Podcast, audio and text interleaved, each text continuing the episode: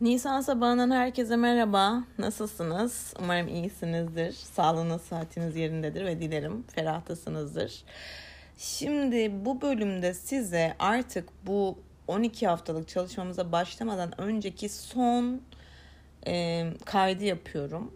E, ekstra bir kayıt olacak e, bu. E, burada e, yazarın kitabın başlangıcında birkaç yerde söz ettiği son bölüme gidiniz şeklinde söz ettiği e, yönlendirmeden dolayı son sözü e, sorular ve yanıtları sanatçının yoluna dair ve yaratıcı öbek kılavuzu nedir, nasıl uygulanır, e, kutsal bir çevre nasıl oluşturulur bu uygulamayı yapmak için, bu e, kursu tamamlamak için bunları anlatan son sözle başlayan kitabın son bölümündeki referans yazılarını okuyacağım ve ondan sonra artık yeni yılla itibaren 2022'nin başında itibaren sanatçının yolu 1 ile birinci haftaya başlayacağız. Son söz. Bu kitabı bitirirken gösterişli bir kapanış, kitaba imzasını atacak son bir hayal gücü fiskesi arzuladım. Bunun küçük ve zararsız bir fikir olduğunu düşünüyordum ki birçok kez bir resimden çok zevk aldığımı ve yapımcı, yapımcısının aşırı büyük sanatsal imzası ile dikkatimin dağıldığını anımsadım. Dolayısıyla burada öyle gösterişli kapanış olmayacak. Aslında bu kitap başka bir kitaptan bir imge ile bitmeli. Anımsadığıma göre belki de burada söz konusu olan hayal gücüm hafızam değil, Thomas Merton'ın Yedi Katlı Dağ ilk basım kitabının kapağında bir dağ resmi vardı. Kuşkusuz yedi katlı bir dağdı. Belki öyle, belki de değil. Seven Story Montaigne'dan söz ediyor. Kitabı yıllar önce okudum. Erken gelişmiş 12 yaşında bir çocuk olarak. Şimdi hayalinde, hayalimde canlandırdığım şey Himalayalar boyutunda bir dağ ve zirveye dolanarak giden bir yol. Bu sarmal yol benim için sanatçının yolu. Aynı manzaraları her seferinde yeniden ve değişik yüksekliklerden görerek dağı tırmanırız. Daha önce de buradaydım diye düşünürüz. Bir kuraklık dönemine çarparak ve bir anlamda evet oradaydık. Yol hiçbir zaman düz değildir büyüme, kendi üzerine bükülen, yeniden değerlendirme ve gruplama yapan sarmal bir süreçtir. Sanatçı olarak gelişmemiz sıklıkla sert arazilere veya fırtınalara rastlayacaktır. Siz hedefe doğru kat ettiğimiz yolu ve veya elde ettiğimiz gelişmeyi gizleyebilir. Ara sıra göz kamaştırıcı bir görünüm bizi keyiflendirebilir. Yani bu yolun içinde ara sıra sarp e, arazilere denk gelebiliriz. Ara sıra görüş alanımızı daraltan sislere denk gelebiliriz. Ara sıra harika manzaralara denk gelebiliriz.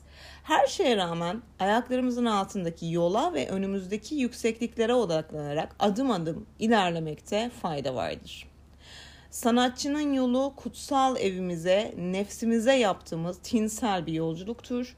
Tüm büyük yolculuklar gibi bu yolculuk da bazılarını bu kitapta açıklamaya çalıştığım yol tehlikeleri içerir. Tüm yolcular gibi sanatçının yoluna çıkmış olanlarımızın sıklıkla yoldaşları ve eşlik eden görünmez arkadaşları olacaktır. Benim yürüyüş emri dediğimi başkaları sakin, küçük bir ses veya basitçe bir sezgi olarak algılayabilir. Kısacası eğer dinlerseniz bir şeyler işiteceksiniz. Ruhunuzu yönlendirme için hazır duruma getirin.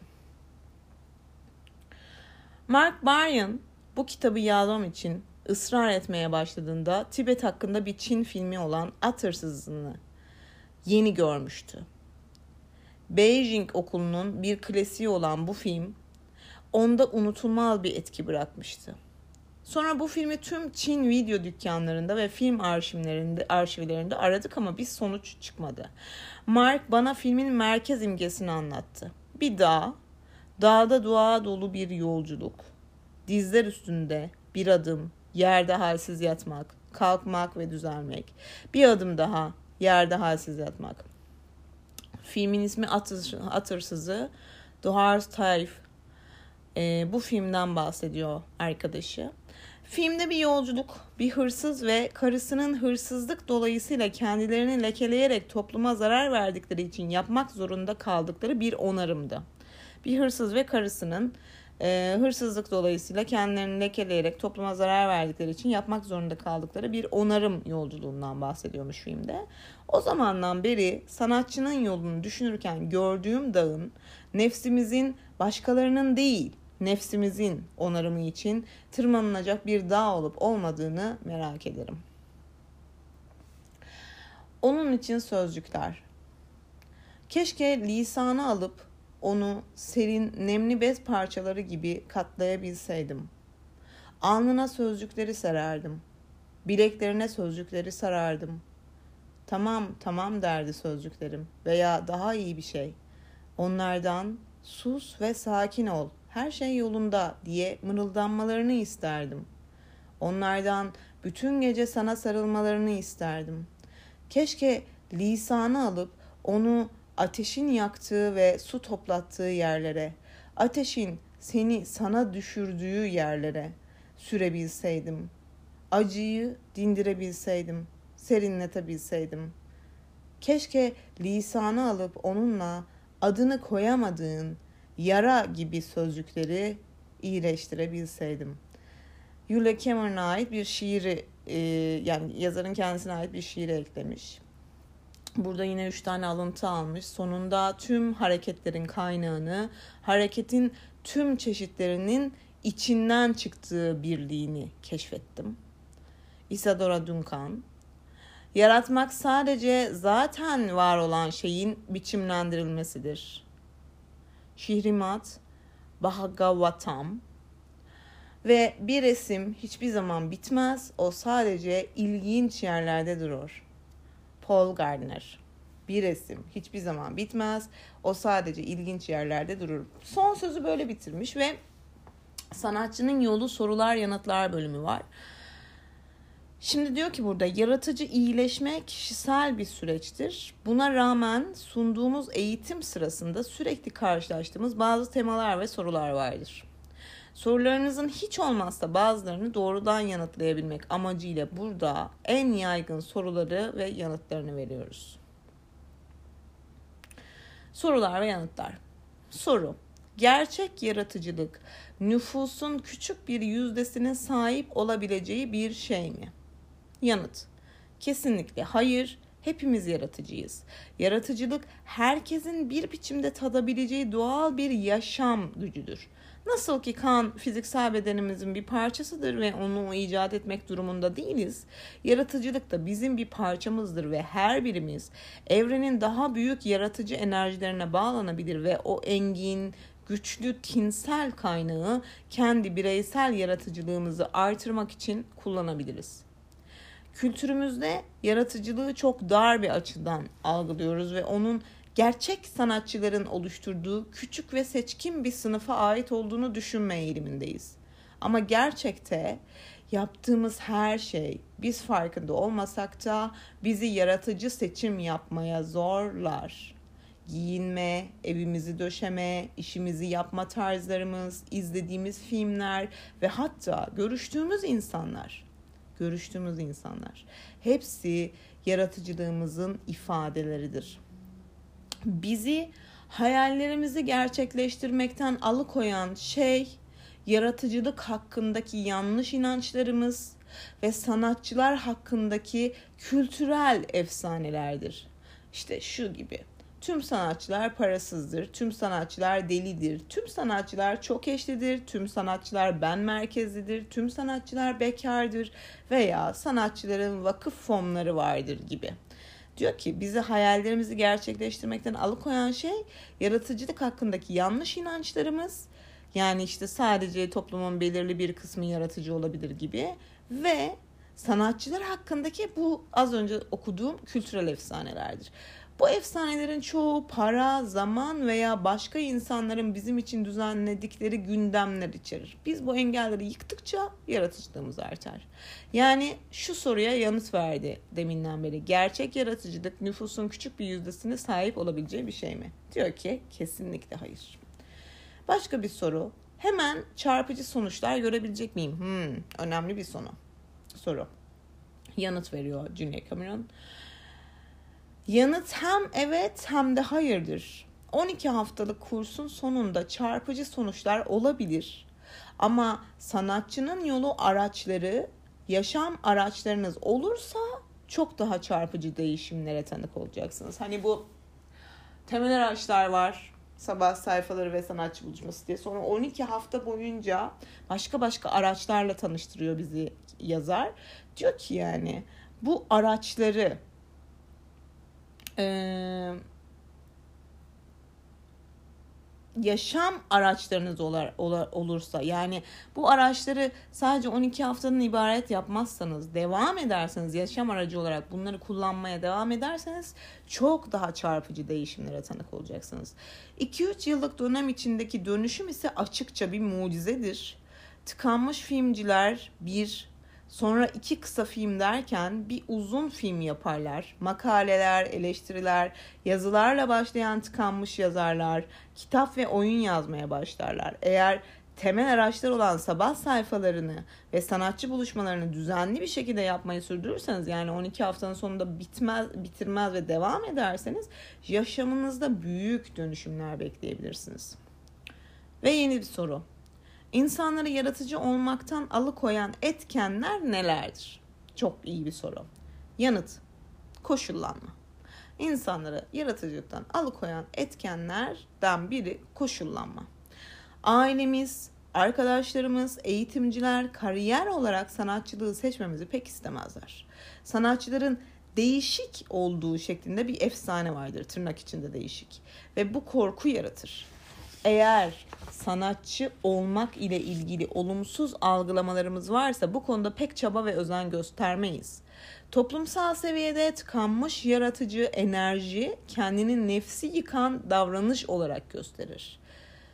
Tıkanmış yaratıcı enerji toplumsal seviyede nefsi yıkan davranış olarak gösterilmiş kendi. Böyle davranışlarda bulunan insanlar örneğin alkol, uyuşturucu, seks veya iş bağımlıları aslında yaratıcı gücün gölge tarafının etkisi altındadırlar. Yani diyor ki alkol, uyuşturucu, seks, iş bağımlıları yaratıcı gücün gölge tarafının etkisi altındadırlar. Yani yaratıcı enerji, tıkanmış yaratıcı enerji nefsi yıkan davranış olarak göstermeye başlıyor burada diyor. İşte alkol bağımlılığı gibi, uyuşturucu bağımlılığı gibi.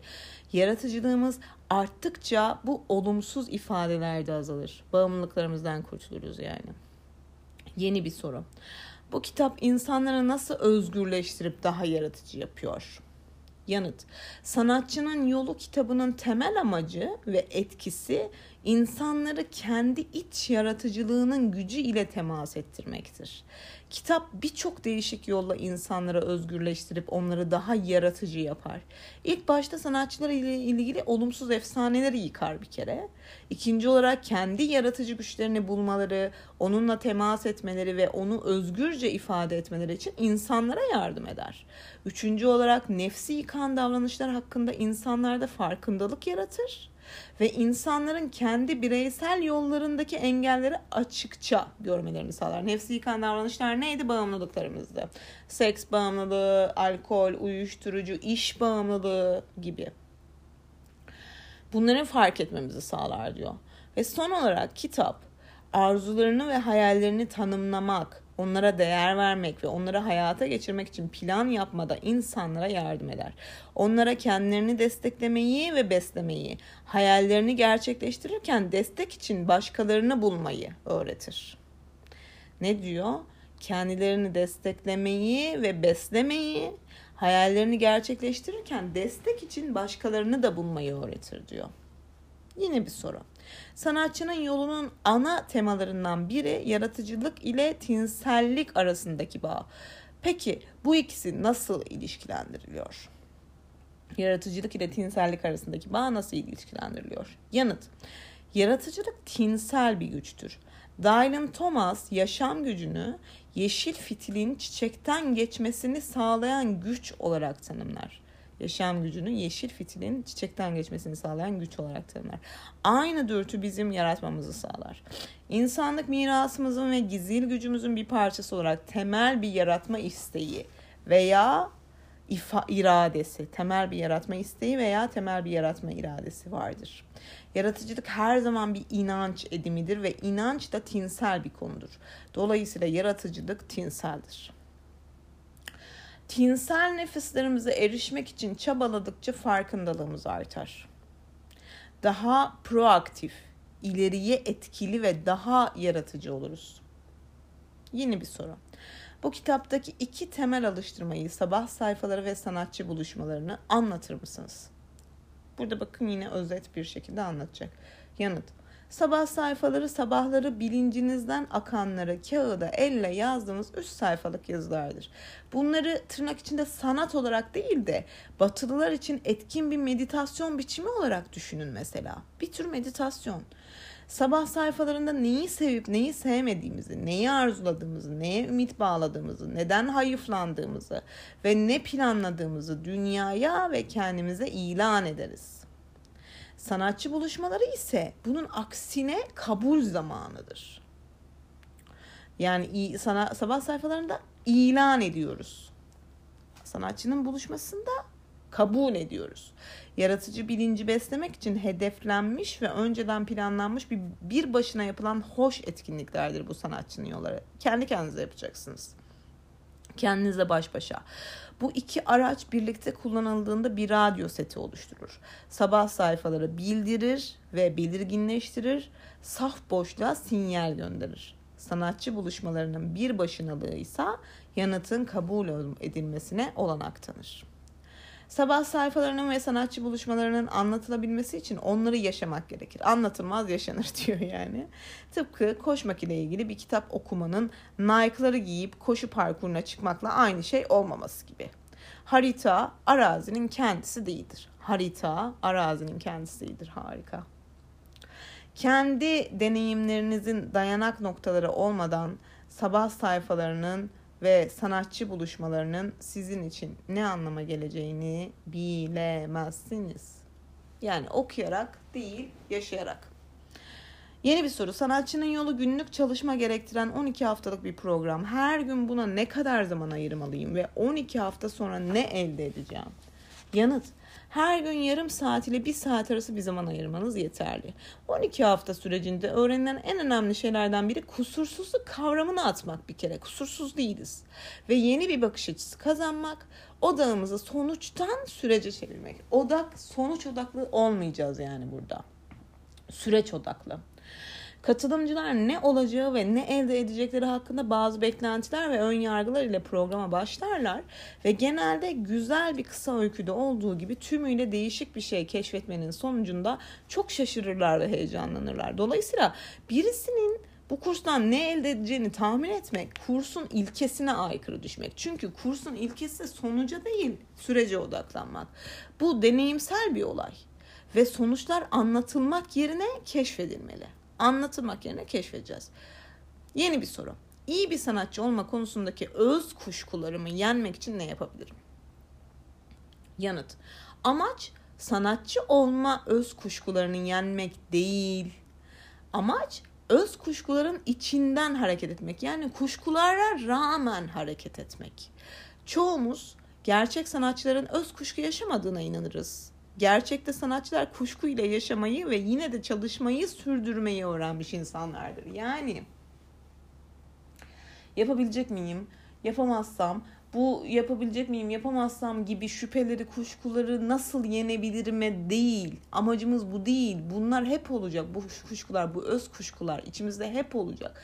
Diyor ki amaç bu kuşkulara rağmen hareket etmek ve diyor ki gerçekte sanatçılar kuşku ile yaşamayı ve yine de çalışmayı sürdürmeyi öğrenmiş insanlardır.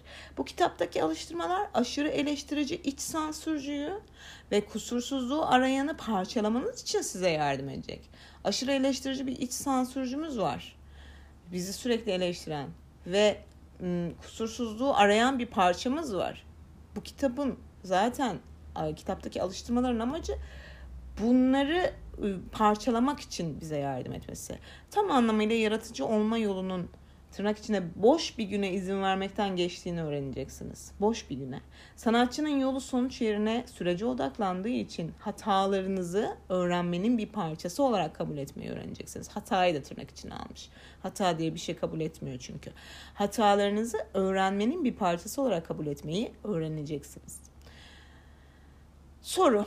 Sanatçıları, sanatçılar neden işleri ertelerler ve erteleme gerçekte nedir? Hmm. Yanıt. Sanatçılar korkudan dolayı veya çalışmak için doğru ruh halini beklemeye çalıştıkları için evet erteleme yaparlar.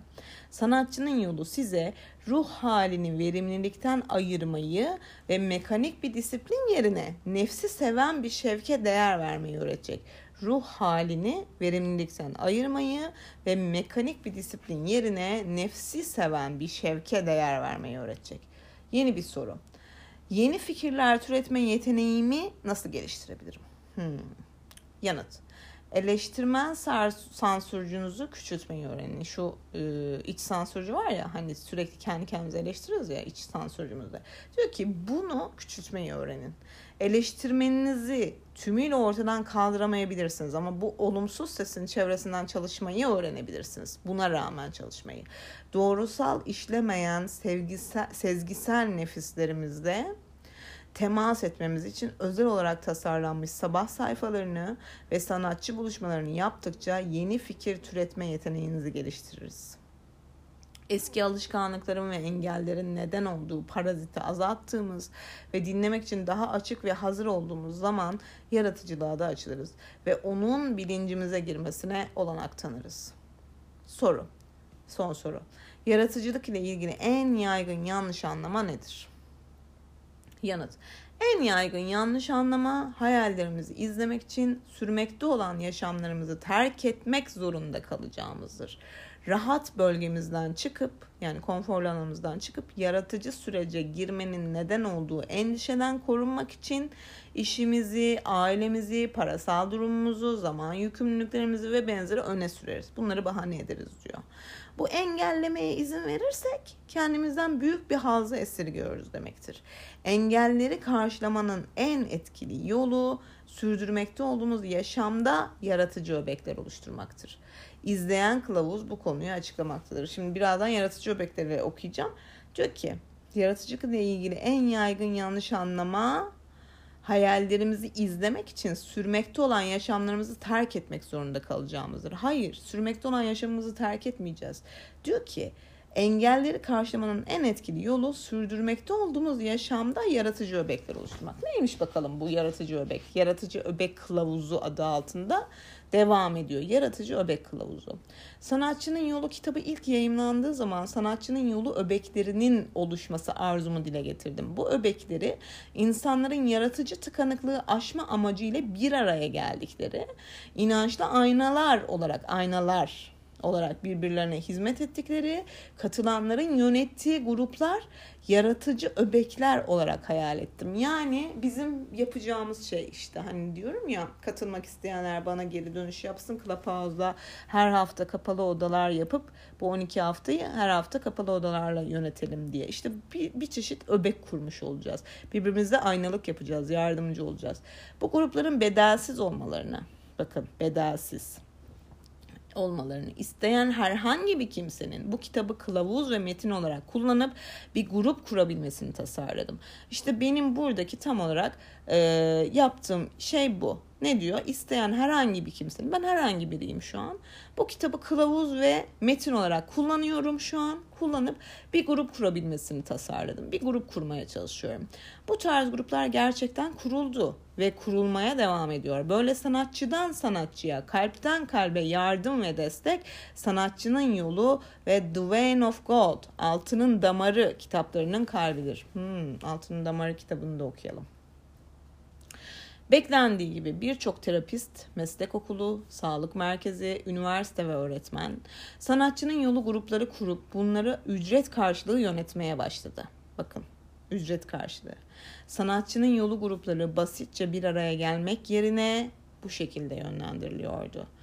Yaratıcı iyileşmenin tinsel ilkelerine bağlı kaldıkları ve katılanları yöntemlerle tanıştırdıkları sürece bu gruplar değerlidir. Yine de diyor ücret karşılığı bile yapılsa ki bedelsiz yapılmasını arzu ediyorum ama diyor yine de değerlidir.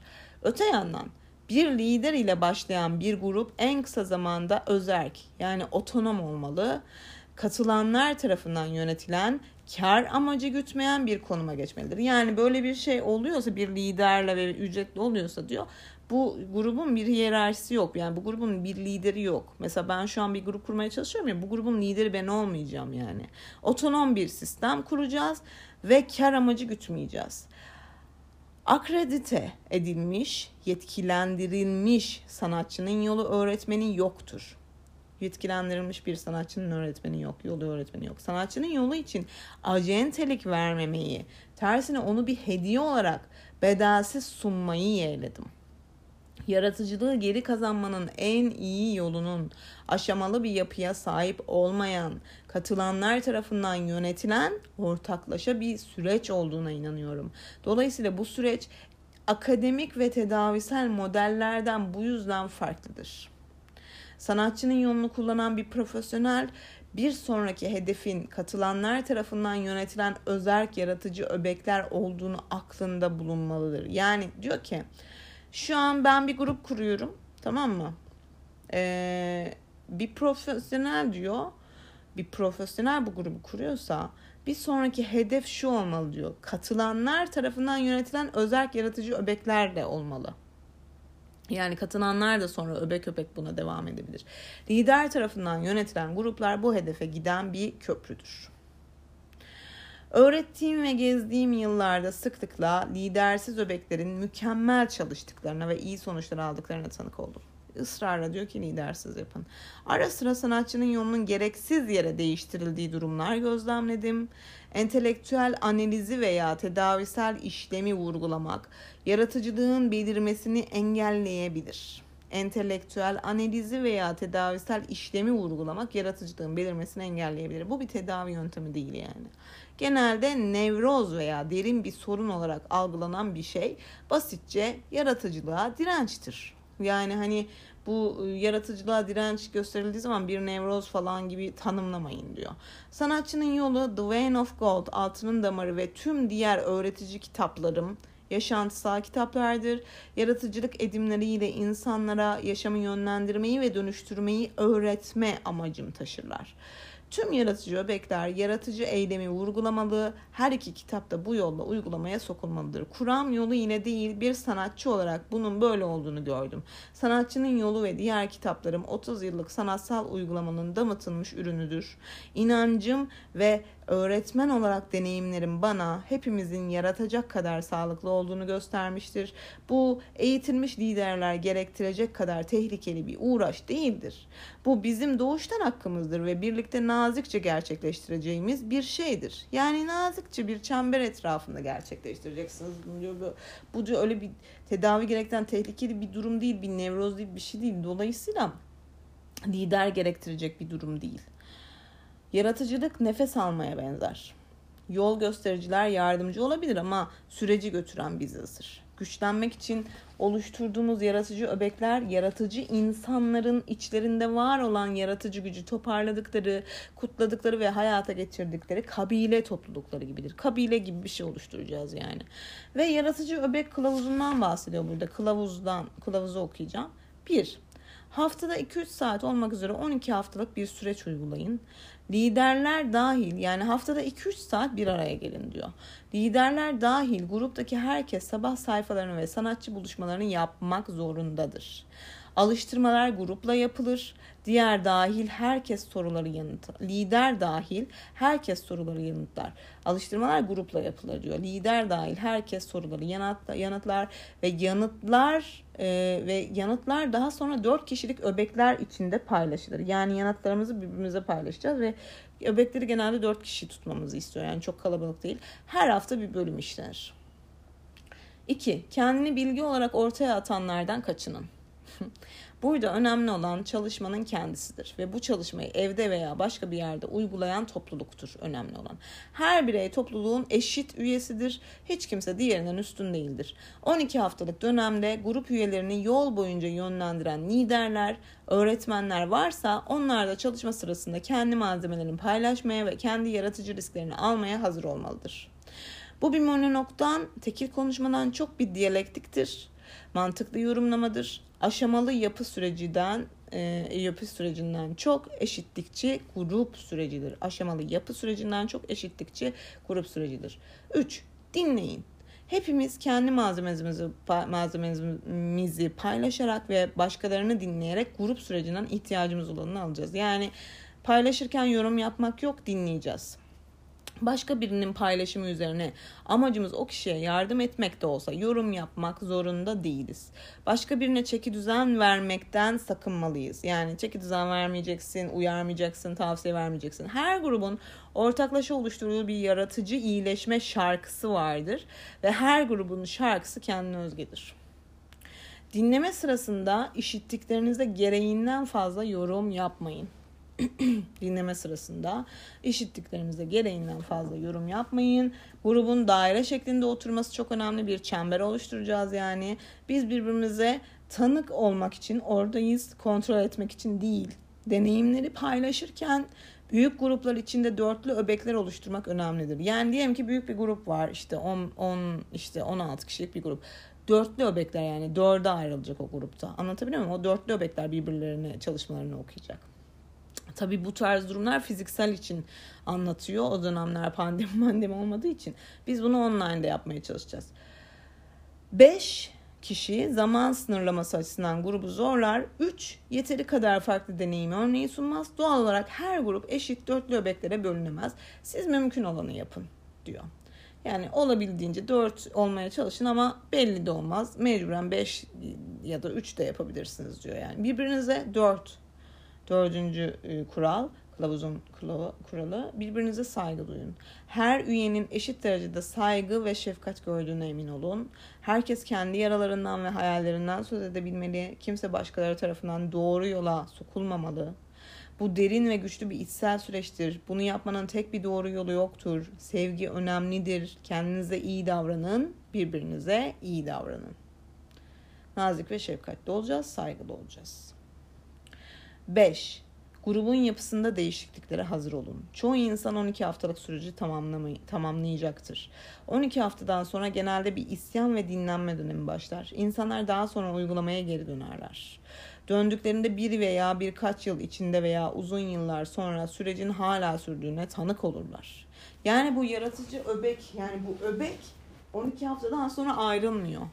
Gruba devam edeceğiz. İletişime devam edeceğiz yani. Birçok grup grubun sonlanması ile ilgili kayıp hisleri yüzünden 8 veya 10 hafta sonra dağılma, buna yaratıcı U dönüşü diyor yazar. Dağılma eğilimine girer. Neymiş? Grubun sonlanması ile ilgili kayıp hisleri yüzünden ve e, yapıyor bunu. Kaygıdan dolayı yapıyor yani. Grup olarak bu gerçek ile yüzleşin. Birlikteliği sürdürmenize yardımcı olabilir. 6. Özerk olun. Bırakın başkalarının sürecini, kendi öz sürecinizi bile kontrol edemezsiniz. Ara sıra isyan hisleri gelecek. Sabah sayfalarını ve alıştırmaları yapmak istemeyeceksiniz. Eskiye dönmek normaldir. Bu süreci kusursuz olarak yapamazsınız. Dolayısıyla rahatlayın. Kendinize iyi davranın ve sıkı durun. Hiçbir şey olmadığınızı hissetseniz bile büyük bir hızla değişiyorsunuz. Farkında değilsiniz sadece. Bu değişim sezgilerinize, yaratıcı nefsinize işlemektedir. Merak etmeyin. Rahat olun. Kurs sizi yaratıcı tinsel farkındalığın yeni alemlerine güvenli bir şekilde götürecek köprüyü geçmenize yardım edecektir. Endişe etmeyin. Ve 7. Kendinizi sevin. Eğer grup liderinin yanlış olduğunu hissediyorsanız öbek değiştirin. Veya kendi öbeğinizi kurun. Dış kılavuz yerine kendi iç kılavuzunu araştırın. Kılavuzunuzu araştırın. Yüce yaratan ile sanatçıdan sanatçıya ilişki kurmak istiyorsunuz. Yüce yaratıcı ile sanatçıdan sanatçıya ilişki kurmak istiyorsunuz. Bilgilerden, bilgelerden yani gurulardan uzak durun. Yanıtlar sizin içinizde. Yani farkındaysanız daha önce de söyledi bunu. Bilgelerden uzak durun. Yani kendilerini bilge ilan edenlerden. Terapistlere, öğretmenlere, yazı eğitmenlerine ve diğer sanatçının yolu grup liderlerine bir söz. Yaptığınız muazzam iş için teşekkür ederim. Çoğunuz sanatçının yolunu kullanarak grup liderliği yapıyorsunuz. Bununla birlikte sanatçının yolunu kendi süreciniz içinde kullanarak kendi ilgi alanlarınızı araştırmanızı ümit ediyor ve bekliyorum. Kendi yaratıcı ön sezinizi izlemeniz, kendi gerçek kuzeyinizi bulmanız için sizi teşvik ediyorum. Liderlik süresin, sürecinde kendi gelişmenizin de sürdüğünü göreceksiniz. Sanatçının yolu ününün ve yolunun kitapta belirtilen yöntemlerden büyük ölçüde değişen bir şekilde kullanılmaması gerektiğini altını çizerek vurgulamak istiyorum. Bakın ne diyor? Sanatçının yolu ününün ve yolunun. Kitapta belirtilen yöntemlerden büyük ölçüde değişen bir şekilde kullan. Yani değiştirilmiş bir sanatçının yolunu kullanmayın diyor. Uyarıyorum diyor. Bu araçları 15 yıl boyunca denedim ve onları uygulamaya değer buldum. Kitabı uygulamanızda kullanabilirsiniz ama kendinizi sanatçının yolu uzmanı olarak sunmaktan kaçınmanızı öneririm. Sanatçının yolu uzmanı diye bir şey yok diyor yani. Sanatçının yolunun bilgeliğinin aşamalı yapı dışında ortaklaşa bir deneyim olduğunu anımsamanızı öneririm. Bu ilkenin kötüye kullanıldığını, örneğin bir grup liderinin sabah sayfalarının grupta okunmasını istediğini duydum. Bu kitabın ruhuna aykırıdır. Liderli gruplar katılanların yönettiği özgür öbeklere dönüşmelidir. Buralarda aslında bu tarz şeyleri yapanları sanatçının yolu kitabını aslında tırnak içinde kötüye kullananlara şefkatli ve çaktırmadan uyarılarda bulunuyor yazar. Tedavi görenlere bir söz. Bu terapistlere, e, öğretmenlere, az, az önce okuduklarım terapistlere, öğretmenlere, yazı eğitmenlerine ve diğer sanatçının yolu grup liderlerine bir sözdü bu az önceki. Şimdi ise tedavi görenlere bir söz. Sanatçının yolu öğretiminin ana kaynağının kitabın kendisi olduğunu ve iyileşmenizin temelinin sizin yorumunuzda kitap ve yöntemleriyle yaptığınız çalışmada yattığını anımsayın.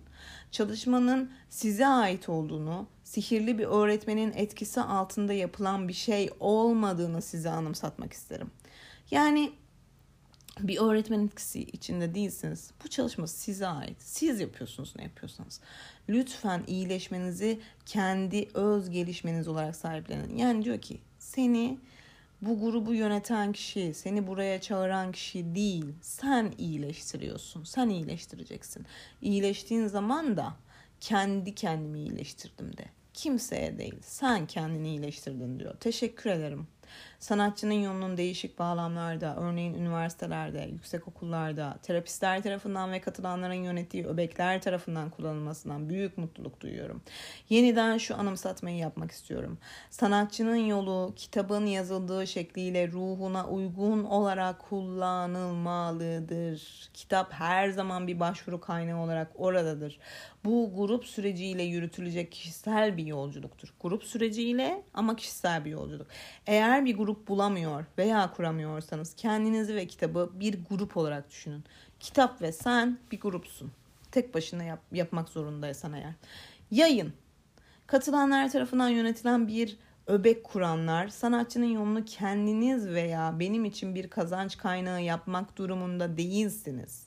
Eğer spiritüel aşar vergisi gibi bir uygulama düşünürseniz bu kitabı satın alıp yaymanızı öneriyorum. Yani illaki bir şey yapmak istiyorsanız diyor bir spiritüel aşar vergisi gibi yani bana bir katkısı olmasını istiyorsanız diyor bu kitabı satın alıp yayın yani diyor. Benim tek şeyim bu olsun hani kazancım.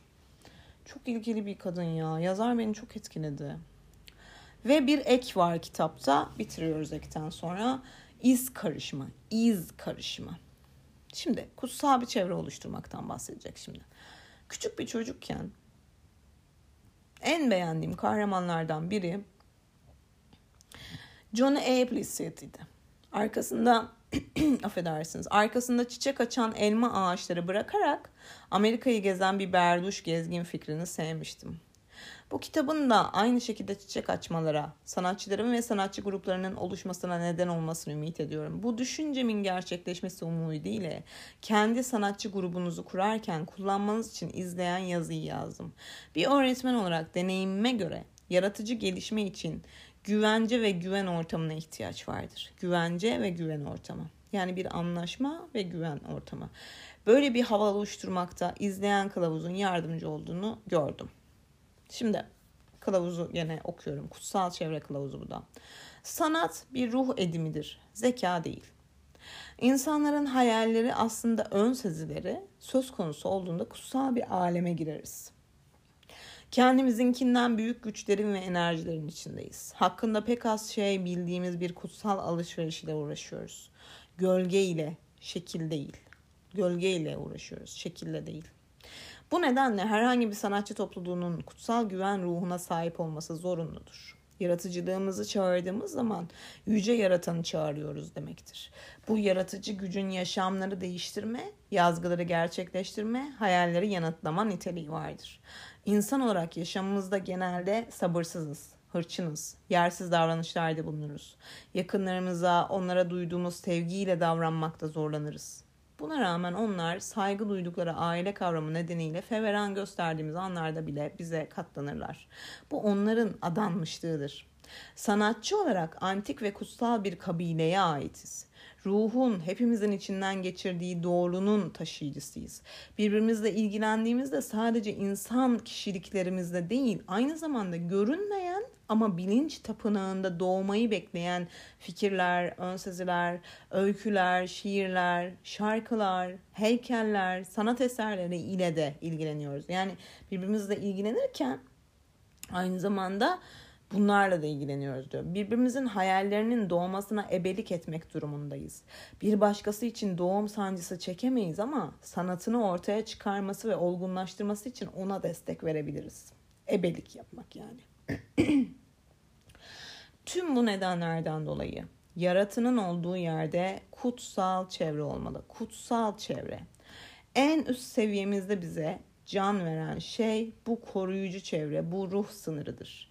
Kutsal çevremizi belirleyerek ve tanıyarak ilkeleri kişiliklerimizin üstünde tuttuğumuzu ilan ederiz. İlkeleri. Şimdi kutsal çevremizi belirleyeceğiz. Bir belirli ilkeler var. Bunu kişiliklerimizin üstünde tutacağız yüce iyiliğe hizmet etme ruhu taşırız. Dostlarımızın arasında kendi iyiliğimiz doğrultusunda çalışacağımıza inanırız. Aramızda gıptanın, çekiştirmenin, eleştirinin, hırçınlığın, düşmanlığın, ince alayın, konum için rahatsız etmenin yeri yoktur. Bakın bu kutsal çevre oluşturacağız ya biz bir grup oluşturacağız şimdi. Burada bu, bu çevrede aramızda gıpta yok, çekiştirmek yok yani birbirimizin arkasından konuşmak yok, eleştirmek yok, hırçınlık yok, Şefkatli davranacağız, iyi davranacağız, saygılı davranacağız birbirimize. Düşmanlık yok. İnceden böyle alay falan yok. Konum için rahatsız etmenin yeri yok aramızda. Bu tavırlara her yerde rastlamak mümkündür. Ama biz sanatçıların bunlarla işi yok. Başarı öbeklerde oluşur. Yani şu yaratıcı öbeklerden bahsediyor. Kutsal çevremizi belirleyerek güven alanımızı oluştururuz. Kendi iyiliğimizin çekim merkezini yaratırız. Böylece en iyi ihtiyacımız olan insanları ve hediyeleri buraya çekeriz. Kutsal çevre saygı ve güven üzerine kurulur. Saygı ve güven ne kadar önemli değil mi? Bir bahçe düşünün. Her birinin bir adı ve yeri var. Her bitkinin. Her çiçeğe olan ihtiyaç değişik. Her birinin biricik ve yeri doldurulamaz güzelliği var. Bahçeyle uğraşan ellerimiz nazik olsun. Birbirimizin fikirlerini zamanı gelmeden kökünden söküp atmayalım büyüme, uyku hali, döngüsellik, ürün verme ve yeniden tohumlama süreçlerine sabır gösterelim. Yargılamada asla acele etmeyelim. Yargılamak yok, yargı yok. Doğal olarak doğal olmayan büyümeleri ivedilikle öne çıkarmada ısrarcı olmayalım. Sanatçı çocuğun denemesi, bocalaması, becerememesi, yeniden denemesi için her zaman yer açalım. Doğada her kaybın bir anlamı olduğunu anımsayalım. Bu bizim için de geçerlidir. Yaratıcı bir yenilgi değerlendirildiğinde bir sonraki mevsimin yaratıcı başarısını besleyen gübre olabilir. Yani her yaratıcılık işe yaramayacaktır. Beceremeyebiliriz. Ama bir sonraki yaratıcılık mevsimi için bu o deneyip başaramadığımız şey gübre olabilir diyor. Unutmayın biz kestirme çözümler peşinde değiliz. Erginleşme ve hasat için uzun süreli buradayız. Erginleşme ve hasat için uzun süreli buradayız. Sanat bir, bir ruh edimidir. Biz spiritüel bir topluluğuz. 25 yıldır çalışan bir sanatçıyım ve son 15 yıldır yaratıcı iyileşme öğretiyorum. Bu süre içinde yaratıcı destekten yoksun kalmanın ve onu bulmanın ne demek olduğunu çok iyi anladım. Genelde bu başarı ile yenilgi, umut ile umutsuzluk arasındaki bir farktır çok ciddi bir farktan bahsediyor yani. Burada sözünü ettiğimiz şey tecriti yani izolasyonu yıkmanın gücüdür. Diğer bütün iyileşme süreçlerinde olduğu gibi bu etkili bir ilk adımdır. İzolasyondan çıkmak. Yaratıcı iyileşme diğer tüm iyileşmeler gibi aynı kafadaki insanların birlikteliğiyle kolaylaşabilir. Bir şeyden kurtulmaya doğru iyileşmek için 12 adım grupları özellikle işe yaramaktadır. Bir şeyi elde etmeye doğru iyileşmek için ise yaratıcı öbekler inanılmaz sonuçlar elde etmektedir. Şimdi ne diyor? Bir şeyden kurtulmaya doğru iyileşmek için 12 adım gruplara özellikle işe yaramaktadır. Bir şeyi elde etmeye doğru iyileşmek için ise yaratıcı öbekler inanılmaz sonuçlar vermektedir. Bir sanatçının üretkenliğini sürdürmesindeki en önemli öğenin bana göre ne olduğunu sorduklarında genelde benden beklenen yanıtlar bir başınalık veya parasal bağımsızlık veya çocuk bakımı gibi şeyler oluyor. Ee, üretkenliğini sürdürmesindeki en önemli öğeler. Basitçe inanan bir ayna yaratıcılığınızın arkadaşıdır. İnanan bir ayna yaratıcılığınızın arkadaşıdır. Size ve yaratıcılığınıza inanan bir kişi. Yani birbirimize aynalık yapacağız ve birbirimize inanacağız. Biz sanatçılar bilinçli olarak yaratıcı öbeklerimizi oluşturabiliriz. Bu öbekler birbirinin gelişmesini güçlendiren, birbirinin yaratıcılığını yansıtıcı bir evet ile destekleyen yani evet demek birbirimizi desteklemek, güçlendirmek inanan aynaların oluşturduğu kutsal çevrelerdir. Kendi deneyimlerime göre daha doyurucu bir yaşam hayallerimizi paylaşan kişilerin desteğinden geniş ölçüde yararlanabiliriz. Her hafta toplanan bir öbek oluşturmayı ve kitaptaki alıştırmaları birlikte yaparak yanıtları paylaşmayı ve kararlaştırmayı öneriyorum. Bir başkasının atılımcı bir içgörüsü sizinkini tetikleyebilir. Sanatı zehirleyici addeden bir kültürde yaşadığımızı anımsayın sanatçılar hakkında çevrede inanılmaz miktarda zehirleyici efsane dolaşmaktadır. Bizim sözde parasız, sorumsuz, uyuşturucu düşkünü ve deli olmanın yanında bencil, gerçeklerden uzak, büyüklük taslayan, zorba, bunalımı ve hepsinden öte yalnız kalmak isteyen insanlar olduğumuz ileri sürülür. Biz de böyle olacağından eminiz. Yeni yeşermeye başlayan sanatçılara neden yaratıcılıklarını tam anlamıyla kullanamadıklarını sorun. Size yaşamın geri kalan kısmını yalnız geçirmek istemiyorum diyecektir. Yani yalnız bırakılıyor Rus. Biz Amerika'da sanatçıları kovboylarla karıştırıyoruz. Sanatçılar kendilerine yeten, hırslı, yalnızlığı seven ve gün batımına doğru yol alıp kendi başına işini yapan insanlar olarak görüyoruz sanatçıları. Bu benzetmenin zırhı olduğunu söyleyebilirim. Çoğumuz arkadaşlıktan hoşlanırız. Kültürel sırlarımızın en büyüklerinden biri büyüklüktir bu. Sanatçı olarak diğer sanatçıları sevdiğimizdir mesela. Kültürel sırlarımızdan en büyüğü. Sanatçı olarak diğer sanatçıları severiz. Yani sanatçılar birbirini sevmez falan filan denir ya. Bir saniye düşünün. Empresyonistler neyin resmini yaptılar? Öğle yemeği. Birlikte. Bloomsbury grubu ne hakkında yazdı? Birlikte yemeğe çıkmak ve birbirinin dedikodusunu yapmak. John Cassavetes kim hakkında film yaptı? Kendi arkadaşları. Neden? Çünkü birbirlerine inanıyorlardı ve hayalleri gerçekleştirmek için birbirlerine yardım ediyorlardı. Sanatçılar diğer sanatçılardan hoşlanırlar. Bunu bilmememiz, bunu bilmememiz gerekiyor. Tepede çok az yer olduğuna inanmamız isteniyor. Saçma. Su kendi seviyesini bulur ve su toplu olarak yükselir. Sanatçılar genelde birbirlerine yardım ederler. Efsane tersini söylemesine rağmen her zaman böyle yapmışızdır. Sanatçılar birbirlerine yardım ederler. Birbirimize yardım ettiğimizde çok güçlü şeyler oluşur.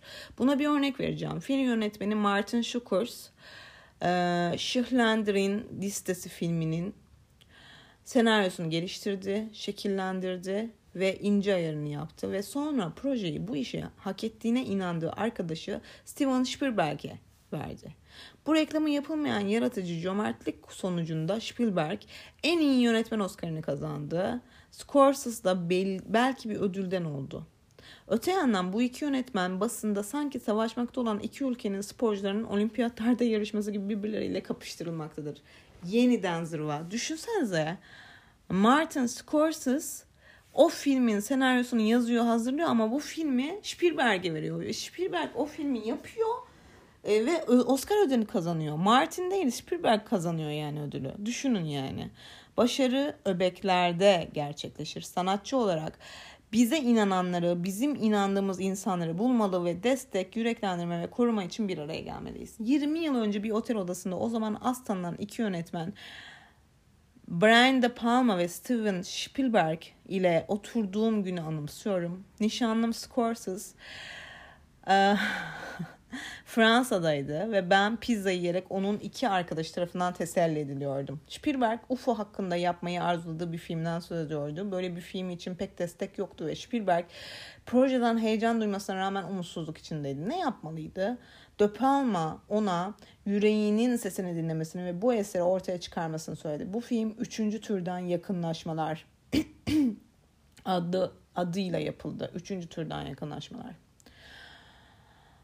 Bu öyküyü anlatmamdaki amaç e, ünlü isimlerle birlikte olduğum için böbürlenmek değil. Şimdinin en ünlü sanatçıların bir zamanlar o kadar ünlü olmadıklarını ve hiçbir zaman yaratıcılık alanının bir parçası olan korku ve kuşkulardan muaf olmayacaklarını göstermektedir. Göstermektir. Arkadaşlarımızdan gördüğümüz yardımla bu korku ve kuşkuların ötesine geçebiliriz. Hepimiz aynı şekilde başlarız. Zengin hayaller dışında hiçbir şey. Eğer şanslıysak hayallerimize inanacak arkadaşlar buluruz. Bu gerçekleştiğinde o yaratıcı öbek bizim için iyiliklerin mıknatısı olur. Uzun süredir sanatçının yolunu öğretiyorum. Kestirme çözümlere inanmam ama özellikle insanlar öbekler oluşturmaya istekli olduklarında hızlı ve kalıcı kazançlar elde edebileceğini keşfettim. Öğretmek için yaptığım seyahatlerin amacı geride, insanların birbirini beslemek ve desteklemek için bir araya geldikleri uzun ömürlü yaratıcı öbekler bırakmaktır. Chicago'da yıllardır birlikteliğini koruyan bir öbek vardır. Bu grup şu soruları soru, soruları sorarak başladı. Yeniden yazabilecek miyim ve gelişmek istiyorum ama korkuyorum ve gerçekten üretmek istiyorum ve bir oyun yazmak istiyorum. Bu grup yıllardır sürüyor ve yıllar sonra öbek aynıdır ama sorular değişiktir. Ginny'nin Emmy adaylığı partisini kim verecek ve Pam üçüncü oyununu aynı tiyatro grubu ile mi yapmalı? Düşünün. Ya bunlar gerçek yani. Böyle bir öbek oluşturmuşlar ve şu an neyi konuşuyorlar? Yaratıcı insanlar olarak birbirimizi yüreklendirmek durumundayız. Sanatçının yolunu yazarken amacım buydu. Ve şimdi öğretirken de amacım aynı. Sizin amacınız ümit ederim kendinizin olduğu kadar birbirinizin hayallerini de desteklemek olacaktır. Yaratıcı fikirler beyin çocuklarıdır. Tüm çocuklar gibi doğru, doğurulmalıdırlar ve bu doğurma hem kişisel hem de toplu bir deneyimdir. Kendi yaratıcı öbeğimde bir kitabın doğum ebeliğini yapma şerefine eriştim. Yetenekli bir medyum ve öğretmen olan arkadaşım Sonya Şokut Uzun yılların deneyimlerini çok değerli bir kitapta topladı. Medium'un Yolu adlı kitapta. Her akşam onun faksla gönderdiği kitap bölümlerini okudum ve arkadaşım tüm diğer sanatçılar gibi kendine inanmakta zorluk çekerken ben ona güvenimi geri faksladım. Hepimiz gibi Sonya'da yeteneğini başkaları bu ışıktan etkilenmesin diye saklamayı öğrenmişti ve yaratıcı doğumdan önceki yaratıcı engelleri geçerken kuşku, korku ve derinleşen bir inanç içindeydi. Aramızda birçok kişinin ruhun karanlık gecelerini yaşatacak projelerden korktuğunu biliyorum. Bu gecelerin aynı zamanda şu güzel İspanyolca sözlüklerde söylendiği gibi yıldızlarla kaplı Noches Estreladas olabileceğini anımsatmak isterim yıldızlarla kaplı. Komşu takım yıldızlar birbirimizin kılavuzu ve arkadaşı olabiliriz. Sanatçının yolunu yürürken sizin için en samimi dileğim dost ışıklarıyla birliktelik ve geçici olarak karanlığa girdiğimizde birbirimizin yolunu aydınlatmak için göstereceğimiz cömertliktir. Şunu iyi bilin. Başarı öbeklerde gerçekleşir ve cömertlik içinde doğar. İnanan aynalar takım yıldızlarını kuralım ve gücümüzü ele geçirelim. Kutsal çevre kuralları 1. Yaratıcılık güvenli ve kabul edici bir ortamda yaşarır. 2. Yaratıcılık arkadaş arasında büyür, düşman arasında solar. 3. Yaratıcı fikirler bizim korumamızı hak etmiş çocuklardır. 4. Tüm yaratıcı başarılar yaratıcı yenilgi gerektirir. 5. Yaratıcılığımızı gerçekleştirmez, gerçekleştirmek kutsal bir güvendir. 6. Birisinin yaratıcılığını bozmak kutsal güveni çiğnemektir. 7. Yaratıcı geri bildirim yaratıcı çocuğu desteklemelidir. Onu asla utandırmamalıdır. 8. Yaratıcı geri bildirim güçler üzerine inşa edilmeli ve asla zayıflıklara odaklanmamalıdır. 9. Başarı öbeklerde oluşur ve cömertlik içinde doğar. 10. Başkasının iyiliği asla bizim yaratıcılığımızı tıkamaz. Her şeyin ötesinde Tanrı kaynaktır. Hiçbir insan gücü bizim iyiliğimizi saptıramaz veya yaratamaz. Her birimiz bizim vasıtamız ile iyileşen daha üstün bir nefsin kanalıyız. Hepimiz spiritüel bir kaynağa eşit şekilde bağlıyız. İçimizden hangimizin bize en iyi şekilde öğreteceğini her zaman bilemeyiz. Hepimiz birbirimize değer vermek ve hizmet etmek durumundayız. Sanatçının yolu kabileye aittir. Hizmet ruhu darmamızı yani gönülden yaşamamızı sağlar. Biz bu doğru yolu inançla izlemeyi hayal ediyoruz diye bitiriyor. Sanatçının duası. Ey yüce yaratan, sana ve hem cinslerim, hem cinslerimize hizmet amacıyla senin adına burada toplandık. Kendimizi araç olarak sunuyoruz. Yaşamımızı senin yaratıcılığına açtık. Eski fikirlerimizi sana teslim ettik. Senin yeni ve daha kapsayıcı fikirlerini kabul ediyoruz. Senin bizi yönlendireceğine güveniyoruz. Seni izlemenin güvenli olduğuna inanıyoruz. Senin bizi yarattığını ve bu yaratıcılığın senin ve bizim doğamız olduğunu biliyoruz. Yaşamımızın kendi düşük nefis değerimize göre değil, senin planına göre belirlemesini, belirmesini istiyoruz. Senin vasıtanla ve birbirimizin yardımı ile iyileşmek ve bütün bir insan olmak için çok geç, çok küçük veya çok kusurlu olmadığımıza inanmamız için bize yardım et. Birbirimizi sevmemize, gelişirken birbirimizi yüreklendirmemize ve birbirimizin korkularını anlamamıza yardım et. Yalnız olmadığımızı, sevildiğimizi ve sevilir olduğumuzu bilmemize yardım et. Sana tapınmak için yaratmamıza yardım et. Diye bir duayla e, bitirmiş ve böyle duayla e, başlayabiliriz. Birinci haftamıza e, yılbaşıyla itibaren başlayacağız arkadaşlar. Bakın burada söz ettiği şey son anda biraz hızlı okudum. Kusura bakmayın çünkü bir saat tamamlanmak üzere bir saatte kaydı durduruyor. Kutsal çevre kurallarını tekrarlayarak bitirmek istiyorum. Bakın çok önemli. Çok önemli. Birbirimizi destekleyeceğiz, kösteklemeyeceğiz. Birbirimizi yücelteceğiz, e, yermeyeceğiz. E, birbirimizi şüphelendirmeyeceğiz, korkutmayacağız. Böyle ince alay bakışlar oldu mu bu şimdi ne bileyim falan filan. Bakın kurallar çok net. 10 tane kural var. 1. Yaratıcılık güvenli ve kabul edici bir ortamda yaşarır. 2. Yaratıcılık arkadaşlar arasında büyür, düşman arasında solar. 3. Tüm yaratıcı fikirler bizim korumamızı hak etmiş çocuklardır. 4. Tüm yaratıcı başarılar yaratıcı yenilgi gerektirir. Başarmak için önce yenilmemiz gerekiyor. 5. Yaratıcılığımızı gerçekleştirmek kutsal bir güvendir. 6. Birisinin yaratıcılığını bozmak kutsal güveni çiğnemektir. Çok önemli bir madde. 7.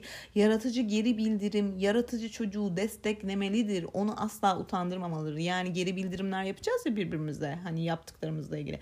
Bundan bahsediyor. 8. Yaratıcı geri bildirim güçler üzerine inşa edilmeli. Asla zayıflıklara odaklanmamalı. 9. Başarı öbeklerde oluşur. Cömertlik içinde doğar. 10. Başkasının iyiliği asla bizim yaratıcılığımızı tıkamaz. Yani şu başkası çok yaratıcı bir şey yapacak mesela grup içinde ödül içinde yani kıskanmak, e, gıpta etmek böyle şeyler yok yani. Çekememezlik olmayacak aramızda. Hep birbirimizi destekleyeceğiz. Birisi çok yaratıcı bir şey yaptı diye biz yaratıcılığımızı kaybetmeyeceğiz ki yani. Ondan besleneceğiz. Birbirimize aynalık edeceğiz. Birbirimizi yüreklendireceğiz ve şefkatle, merhametle ve yargısız bir şekilde bu gruba devam edeceğiz. Umarım şahane bir kutsal çevre oluşturabiliriz. Güvenli bir kutsal çevre, güzel bir yaratıcı öbek oluşturabiliriz arkadaşlar. Bunu gerçekten çok istiyorum. Yazarın da dediği gibi dört, dörderli öbeklerde büyük bir grup olabilir. Grubu yönetmek aa, fiziksel çevrede mümkün olmadığı için bana dört tane kişi bile benimle birlikte yani üç tane arkadaş bile yetecek ilk etapta yani. Gerçekten evet diyorsanız bu işi yapmak istiyorum diyorsanız yılbaşında birinci haftayla başlayacağım. Lütfen yılbaşı, yıl sonuna kadar yani yılbaşına kadar bana ulaşın. Instagram kendine şefkat yahut yine Instagram Nisan Sabahı Podcast ve Twitter yine Nisan Sabahı Podcast olarak yazarsanız adreslerimi bulursunuz. DM e, araçlarım açık. Oralarda bana istediğiniz zaman DM gönderebilirsiniz.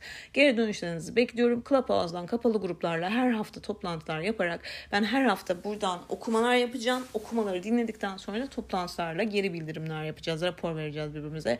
Sanatçının e, sabah sayfaları asla birbirimize okumayacağız. Grubun bir lideri yok. Ben bir lider değilim. Ben de sizdenim. Hiyerarşi yok. Ben de kurallara uymak zorundayım zorundayım. Ben de çalışmalarımı ve raporlarımı vermek zorundayım. Her şey tamamen otonom, özel bir şekilde devam edecek aramızda. Çok heyecanlıyım. Gerçekten heyecanlıyım. Yeni bir yıla, yeni bir başlangıç, yeni bir yola girelim mi? Evet diyor musunuz? Bana değil, kendinize. Nisan sabahından bu kadar. Yeni yılda görüşmek üzere. Kendinize çok iyi bakın. Dünyanın merkezinde değiliz ama kendi merkezimizdeyiz. Kendi merkezimizden ayrılmayalım. Kendi merkezimizde daima kendi merkezimizde kalalım. Hoşçakalın.